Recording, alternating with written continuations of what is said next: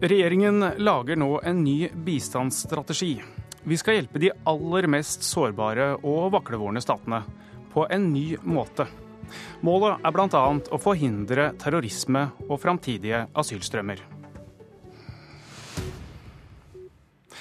Men vi starter med han som fortsatt kan bli verdens mektigste mann.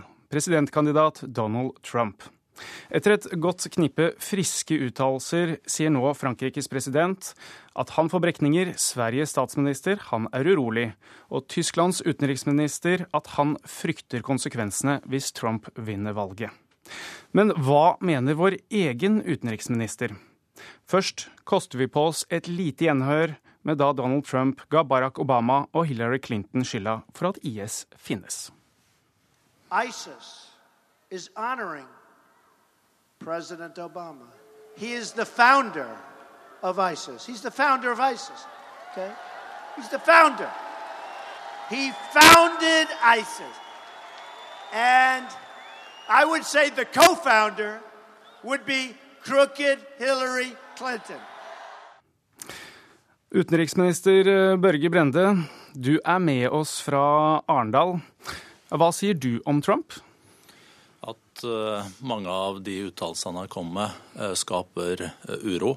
Og det er jo også slik at man nesten ikke tror det man hører. Men vi har jo ingen tradisjon i Norge for å gå inn i andre lands valgprosesser. Men situasjonen knytta til noen av disse utspillene til Trump er jo såpass ekstraordinær at eh, jeg har også valgt å ta til motmæle. Bl.a.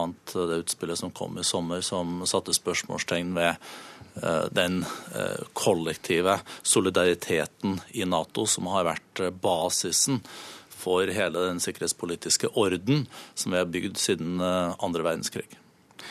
Du er svært bekymra, altså. Anniken Huitfeldt, du er leder i utenrikskomiteen og fra Arbeiderpartiet. Velkommen til Politisk kvarter. Eh, hvor mye betyr det egentlig for Norge hvem som blir sjef i USA nå? Det kommer til å ha betydning, for det er en forskjellig utenrikspolitisk strategi.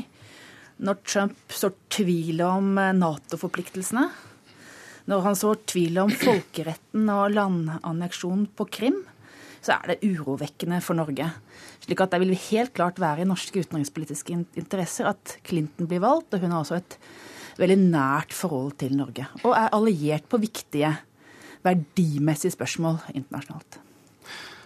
Brende, frykter du at en person som Trump i Det hvite hus kan skape større rase- og religiøse motsetninger? Altså kanskje nettopp det motsatte av hva verden trenger nå? Nå er det jo mange måneder eh, frem til eh, den amerikanske eh, valgkampen. Vi må forholde oss til det som amerikanerne bestemmer seg for. Men det er jo utspill knyttet til, kvinner, også til minoriteter, som Trump har kommet med, som vi absolutt ikke trenger, og som ikke hører hjemme, etter min mening, i det 21. århundret. Men til ditt forrige spørsmål om hva som hvor viktig det er hvem som er USAs president, så må jeg si at det er svært viktig. USA har 50% av den militære kapasiteten globalt. Det er 25% av den globale eh, økonomien, 5% av den globale befolkninga. Eh, USAs president setter en viktig tone i veldig mange sammenhenger, ikke minst når det gjelder økonomi og gjenskape vekstkraften i den globale økonomien, hvor Trump har tatt til orde for Eh, proteksjonisme. Noe som er svært bekymringsfullt i en situasjon hvor vi må handle mer med hverandre og ikke mindre. Huitfeldt, blir det så bra med, bra med Hillary, da? Ja, det som er viktig for meg, er at hun i mange spørsmål har stått for en mer åpen linje. At hun har stått for samarbeid med europeiske land. Hun har frontet kvinnespørsmål.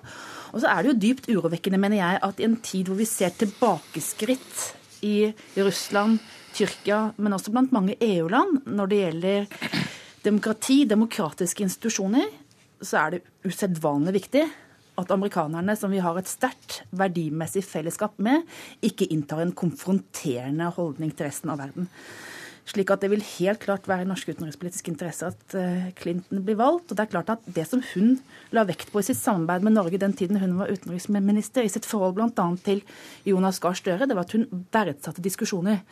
Amerikanerne har mye verdimessig fellesskap med oss, men vi får ofte annen informasjon. Vi er et lite land, og hun verdsetter å bli utfordret og få nye ideer i utenrikspolitikken. 8.11. så tar i hvert fall amerikanerne valget på om det blir Hillary Clinton eller Donald Trump som blir ny president.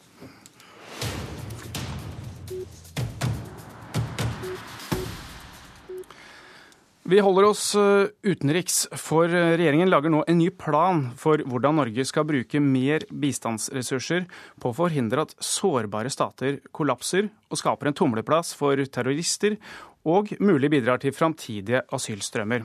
Eh, vi, vi, snakker spesielt da om landene i beltet eh, Mali i Vest-Afrika til gjennom Nord-Afrika, Afrikas Horn, Midtøsten til Afghanistan i øst. Eh, Børge Brende, hva er det dere skal gjøre så annerledes nå?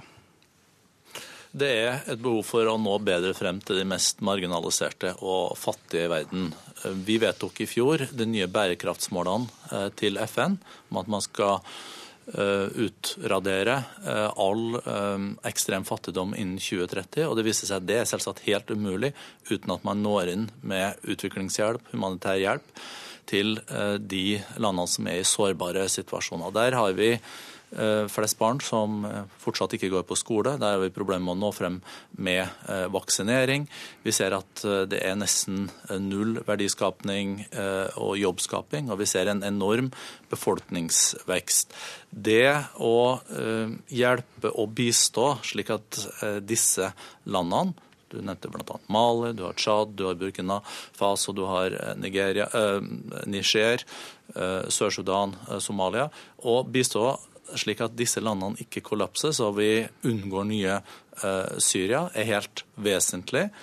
Ikke minst for eh, å kunne oppnå bærekraftsmålene, for å oppnå målet om å nå frem til de aller fattigste. Men kollapser disse landene, så skaper det selvsagt også grobunn for voldelig ekstremisme, eh, terror, eh, svære migrasjonsbølger. Men, men Brende, det, dette er problemene. Hva konkret er det Norge skal gjøre annerledes? Vi eh, er jo en stor eh, bistandsnasjon. Og det er slik at vi allerede er tungt inne i mange av disse landene. Eh, Mali eh, har denne regjeringa eh, gjort til et fokusland for norsk bistand. Vi er tungt inne i Sør-Sudan. Men det er også veldig utfordrende å operere i disse landene. Og vi må ikke være naive når det gjelder hvilke resultater man kan oppnå på kort og mellomlang sikt. Vi må videre og trekke inn Morten Bøås. Du er forsker ved Norsk utenrikspolitisk institutt, NUPI. Velkommen til Politisk kvarter. Tidligere i år så publiserte du en rapport om at sårbare stater er en av de største truslene verdenssamfunnet står overfor. Eh, hva må Brende og Norge gjøre for å lykkes med den nye strategien? Ja, for det første så vil jeg ønske velkommen det at uh, uh, norske regjeringen og Utenriksdepartementet nå setter mer, enda mer fokus på sårbare stater. For det, det trengs. For altså, disse statene har blitt hengende etter på en sånn måte at de først og fremst er en stort problem for de menneskene som bor der. Men altså, de problemene er også så store at de noen ganger også får eh, skape globale sikkerhetsutfordringer. Men jeg tror det er viktig at vi skjønner at vi må arbeide annerledes i disse landene enn det vi gjør med den vanlige utviklingshjelpen. Altså, Norge har blitt ganske bra til å gi bistand, men den bistanden vi gir, og den måten vi gir den på, det forutsetter på mange måter at du har en statlig kapasitet, at det er en stat som kan respondere. Det er nødvendigvis ikke tilfellet på samme måten i disse statene. Så vi må ha mer pragmatisme, vi må ha mer realisme.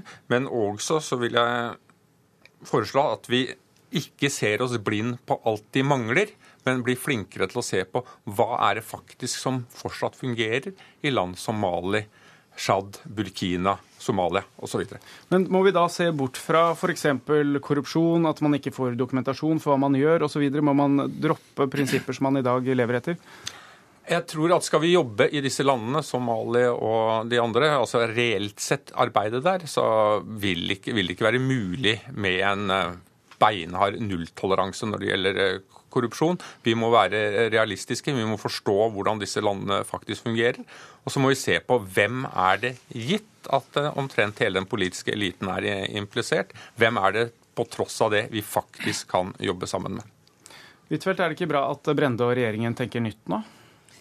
Jeg syns det er viktig å ha fokus på sårbare stater. Og det er jo noe alle andre land internasjonalt òg sier at dette må vi fokusere mer på i tiden som kommer. For i dag så lever de fleste fattige i verden i mellominntektsland. I framtida så vil de leve i sårbare stater, så dette er riktig.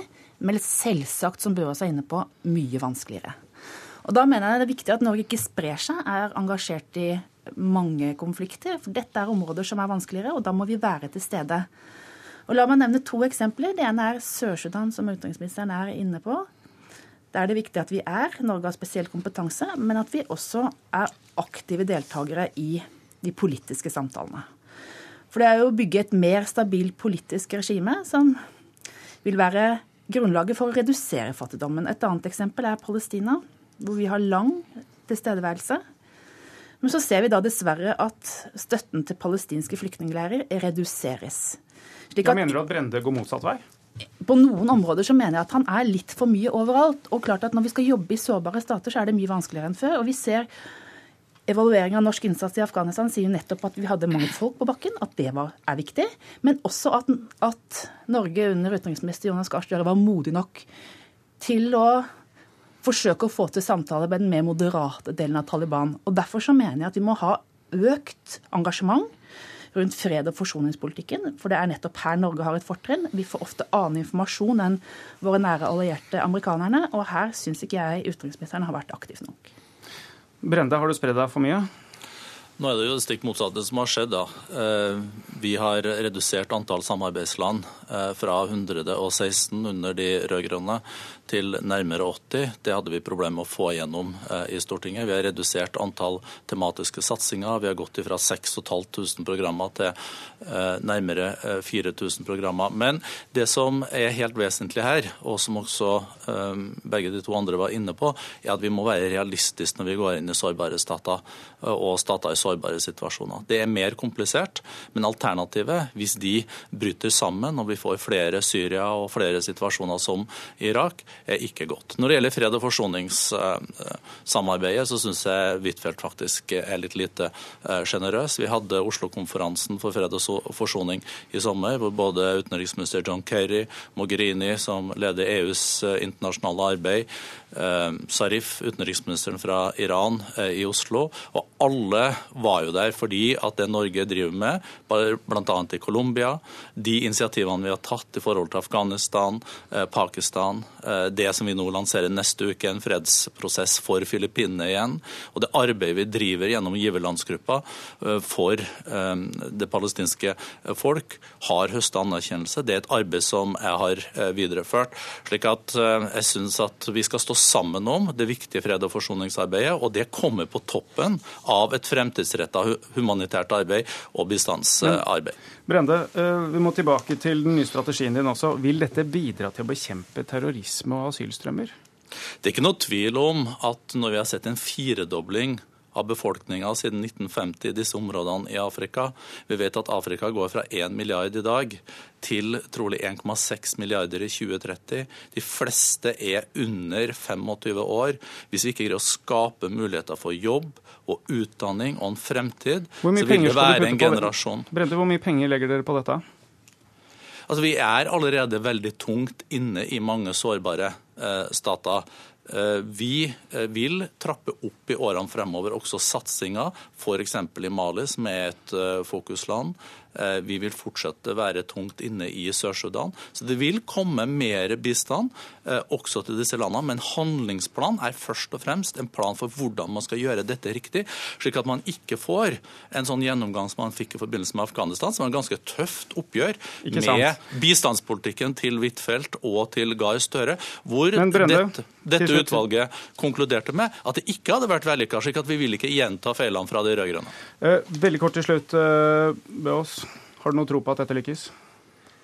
Jeg har et håp om at det lykkes, for vi er nødt til, å, nødt til, å, lykkes i disse landene. Ellers så kan det gå riktig gærent, først og fremst for de som bor der og regionalt, men vi vil også få konsekvensen av det. Og eh, det er viktig at vi handler nå, for at eh, fortsatt så er et lite mulighetsvindu som er åpent, men det vil lukke seg ganske snart. Men da er det ikke det først og fremst et spørsmål om å bruke mer penger, men å bruke penger smartere enn det vi har gjort til nå i disse landene. Vår tid er omme. Takk til eh, Anniken Huitfeldt og NUPI-forsker Morten Buaas og utenriksminister Børge Brende.